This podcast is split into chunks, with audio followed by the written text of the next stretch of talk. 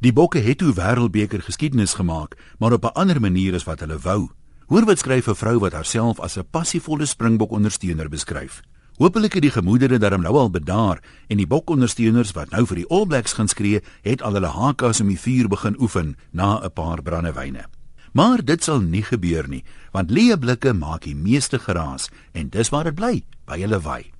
Hulle sê suksesvolle mense is die wat weier om op te gee en elke keer weer opstaan as die lewe hulle platslaan. Ek glo die bokke gaan dit ook weer doen. Al wet ywer hulle sogenaamde ondersteuners op sosiale media om te kyk wie kan hulle die meeste sleg sê. Dis een ding om teleurgestel te wees, maar die trant van die kommentaar is selfs meer teleurstellend. Ek weet nie veel van rugby af nie, maar ek het 'n paar vrae wat ek seker al lankal sou kon beantwoord het as ek net meer brandewyn gedrink het. Dalk kan iemand my help met die antwoorde, nie om meer te drink nie. Almal skryf die bokke nou af, net soos hulle gedoen het toe ons 'n paar jaar gelede met 49-0 teen Australië verloor het. Maak dit sin? Onthou, sedertdien het ons al meer toetse teen die Wallabies gewen as hulle teen ons. Skaars 'n maand terug het almal weer die bokke afgeskryf toe hulle die heel eerste keer teen Argentinië verloor het en dit op tuisbodem. Toe wou die ondersteuners ook vir Heineke en die meeste van sy spelers fire.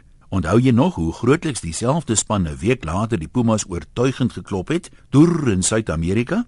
Ek kan nie help met te wonder hoekom ons so behep is met ondervinding nie. Die veronderstelling is dat ervare spelers beter besluite onder druk neem, maar is dit waar? Die Japan het van die jonger spelers, soos Lode Jager, vir my meer uitgestaan as Victor Matfield, en toe Willie Leroux nog onervare was, was hy strate beter as nou. En hoe moet die arme Heineke Meyer ook nou weet wie sy beste spelers is as niemand konstant die beste speel nie? Voor die Japan-wedstryd was Patrick Lambie in sy laaste toets beter as Andre Pollard in syne, maar Saterdag het Pollard weer giftig gelyk in die rukkie wat hy op die veld was. Mense sê Heineke kies ou en beseerde spelers wat te lank laas gespeel het, maar weer eens Fourie de Pre het vir my skerper gelyk as Roan Pinaar wat konstant gespeel het teen Fourie wat maar 'n paar wedstryde in die laaste paar jaar gespeel het. En hoekom gee niemand aan Japan erkenning nie? Kommentators sê altyd die span wat die hongerste is sal wen. Wel na een oorwinning in 24 probeer sla, moes Japan tog duidelik baie hongerder as die bokke gewees het. En in die Japannese kultuur is respek van kardinale belang. Voor die tyd het Heineke gesê hulle gaan elke wedstryd soos 'n eindstryd benader. Maar Jean de Villiers het dit seker nie gehoor nie.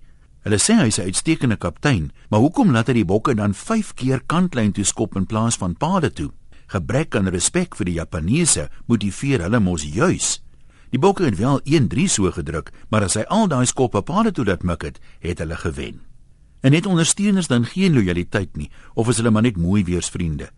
Hoekom wil jy die bokke nie meer ondersteun na hierdie skok nederlaag nie? Juis nou dat hulle jou ondersteuning nodig het. Die All Blacks is al jare konstant die wêreld se beste span. Maar dink jy hulle ondersteuners het vir 'n ander span begin skree in vorige wêreldbekers toe hulle in 4 toernooie van 1991 tot 2011 nooit die beker kon wen nie? Ek glo nie. Die loops is jy soos baie mense sê ons wil 'n wenspan ondersteun. Dan sê logika mos vir jou jy kan net een ding doen. Die hele wêreld moet dan vir die All Blacks skree, want niemand kan te ontken hulle wen by verre die meeste nie. En my laaste vraag: As Heineke dan gefire moet word, wie sal jy in sy plek aanstel? Lastige vrae, né? Groete van oor tot oor. Ja, ek moet sê ek stem nogal saam met tannie anoniem. Ons gee die Japaneese te min krediet, soos hulle Saterdag gespeel het, sweer ek hulle sou die bulle ook geklop het op loftes. Mooi loop.